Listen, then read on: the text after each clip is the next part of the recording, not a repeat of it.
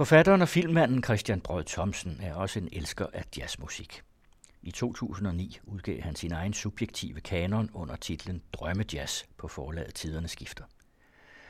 Jazzens historie belyst gennem 100 af jazzens bedste CD'er. Sideløbende med bogudgivelsen har Christian Brød Thomsen præsenteret jazzens historie her på den anden radio, og vi er nået til det sidste afsnit. Det gælder den europæiske jazz-avantgarde.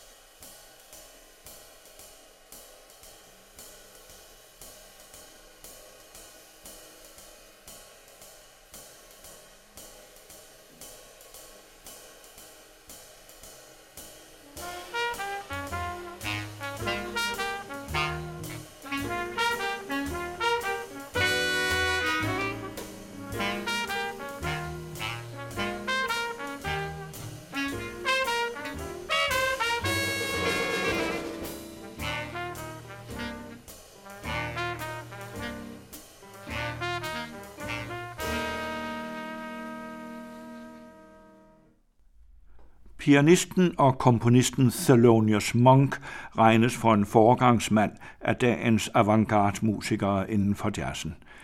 I den forstand er en af Monks tidligste kompositioner Locomotive et utilsigtet selvportræt. Monk har altid været et lokomotiv for de musikere, der har ført jazzen videre. Vortids største pianist Cecil Taylor hyldede Monk på sin første plade, og en central europæisk pianist, Alexander von Schlippenbach, har på tre CD'er indspillet en enestående hyldest til Monk, i det han med sin kvintet opfører samtlige 72 kompositioner, som Monk har skrevet. Vi hørte netop Locomotive spillet som vignet uden soli, og vi går videre med Brilliant Corners, som Slippenbach har arrangeret for sine to blæsere, trompetisten Axel Dørner og baskleinetisten Rudi Mahal.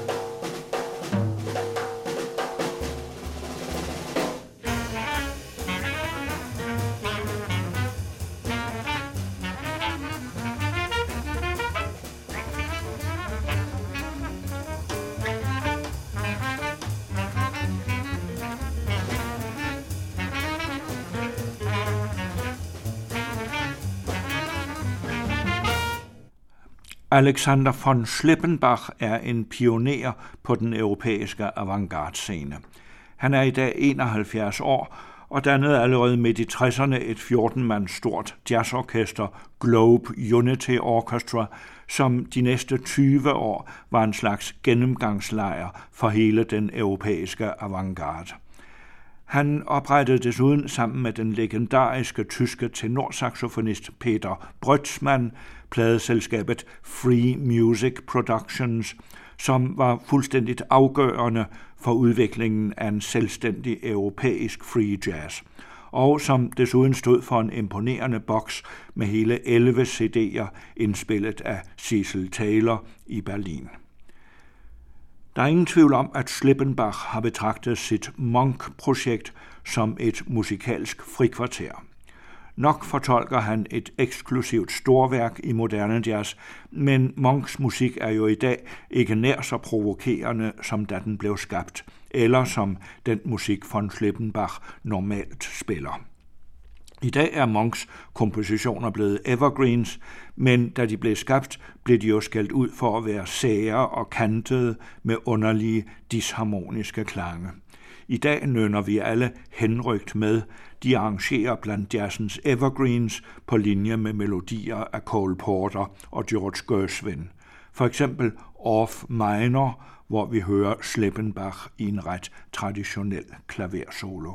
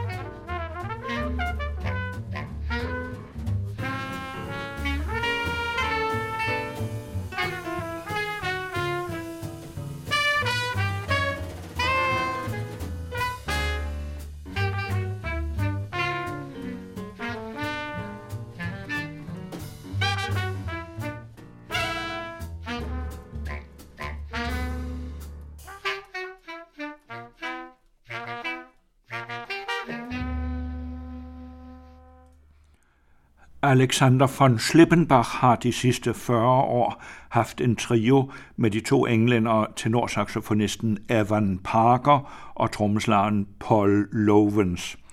Det er Europas vigtigste free jazz gruppe, og de mødes stadig en gang om året for at tage på turné.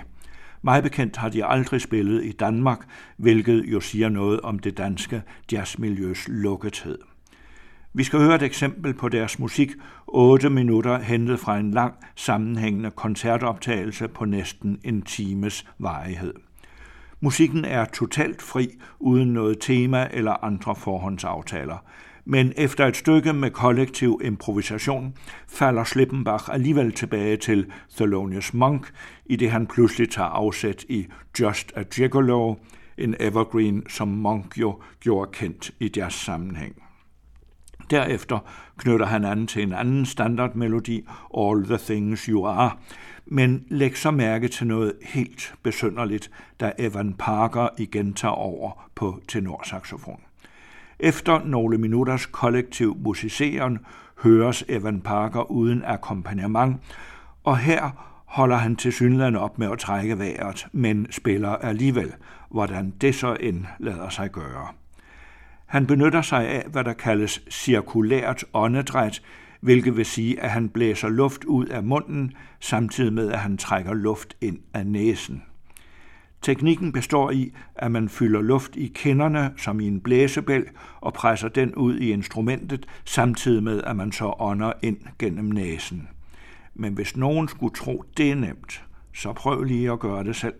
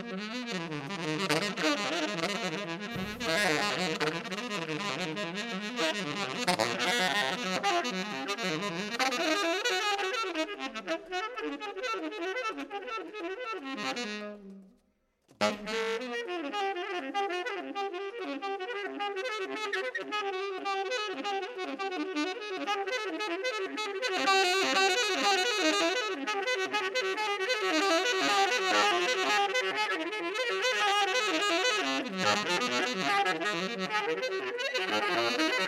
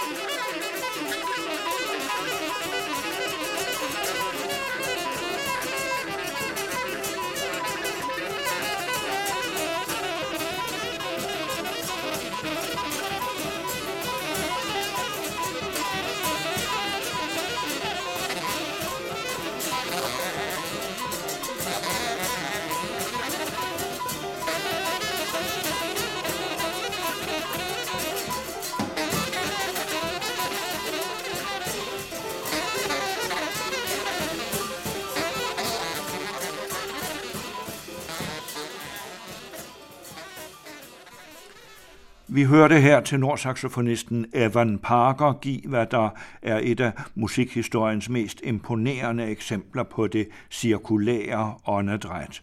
Hentet fra Schlippenbach-trioens CD Compression fra 2002. Men ellers er Evan Parker jo også kendt for det modsatte, nemlig lange staccato-agtige forløb, hvor han snarere spytter end spiller på tenorsaxofonen.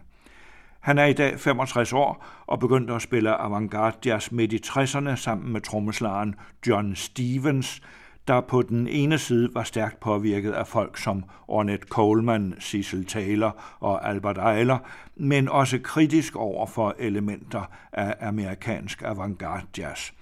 John Stevens sagde for eksempel, hvis du ikke kan høre en anden musiker, spiller du for højt – og hvis det, du spiller, ikke regelmæssigt relaterer til, hvad du hører de andre skabe, hvorfor så overhovedet være med i gruppen? Og Evan Parker tilføjede, dette førte til udviklingen af, hvad der spøgefuldt blev kendt som insektimprovisation. Musik, som tenderede imod at være meget stille, meget intens, arytmisk og i det store hele atonal. Vi hører et eksempel på denne insekt-jazz, hentet fra Evan Parkers og John Stevens gennembrudsplade The Longest Night fra 1976.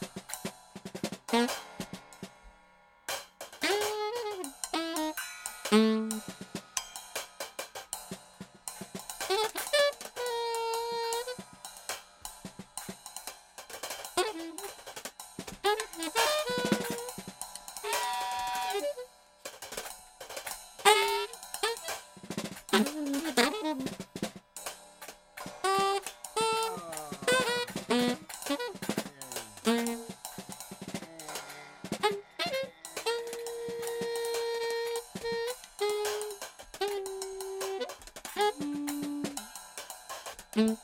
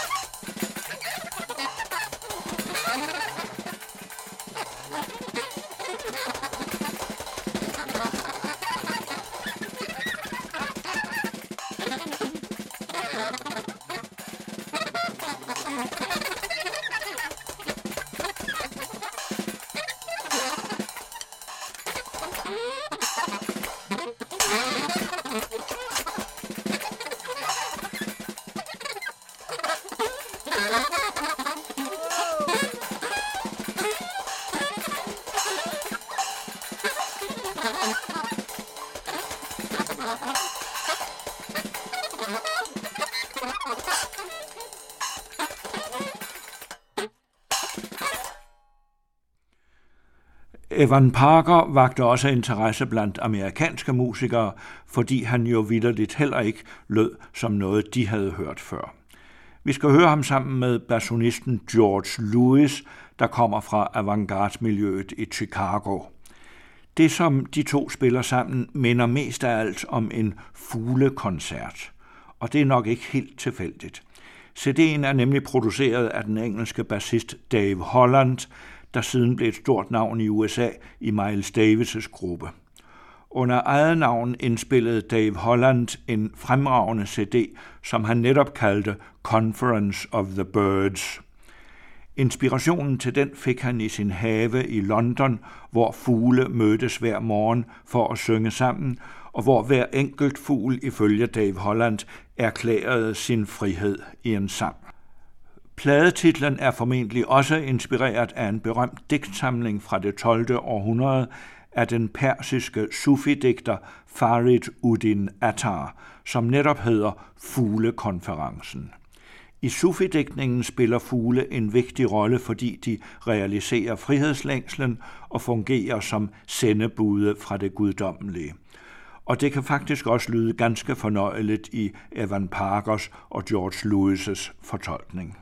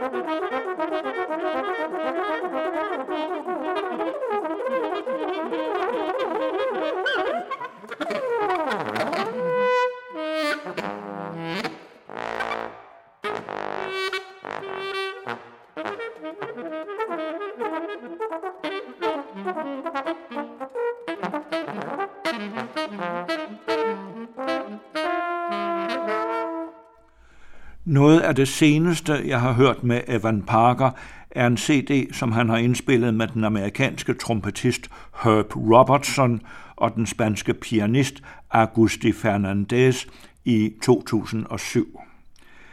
Hvis Albert Eiler førte jazzsoloen så langt ud mod skriget, at der af det spor hverken var en fremtid for musikken eller for ham selv, må Robertson, Parker og Fernandez nærmest kaldes for post-Eilerske. Skriget er forstummet og fornemmes nu som et svagt ekko bag en musik, som mange slet ikke vil kalde musik, fordi den udnytter instrumenterne på en fundamentalt anden måde, end vi er vant til. Den er baseret på spyttende toner, på instrumentknappernes lyde, på strengeslag og luftstrømme. Musikken fremkalder ikke mange associationer til jazztraditionen, men snarere til dramatikeren Samuel Beckets vagabonder, der venter på Godot, eller til filminstruktøren Jean-Luc Godards soldater, der går i krig og har postkort med hjem som en fragmentarisk dokumentation af alt, hvad de har erobret. Godard sprængte i sine skældsættende 60'er-film den klassiske Hollywood-tradition i luften og vendte og drejede stumperne som nostalgiske tegn fra en svunden tid. På tilsvarende vis kan man forestille sig, at jazz-traditionen har været udsat for et Big Bang, en apokalyptisk eksplosion, der har forvandlet alt til fragmenter. Det er som om Robertson, Parker og Fernandez går rundt i et ørkenagtigt kraterlandskab efter en verdensomspændende katastrofe. Og her finder de efterladenskaber, som de forgæves forsøger at sammensætte til helheder. Det er som om musikerne har mistet malet, men de kommunikerer fortsat ved hjælp af disse uforståelige lyde, som de forundret samler op i ruinerne og vender og drejer som fragmenter af en svunden civilisation. Det følgende stykke fra Herb Robinsons CD Parallelisms var 10 minutter, men føles jo nok som en evighed, hvad der sikkert også er hensigten.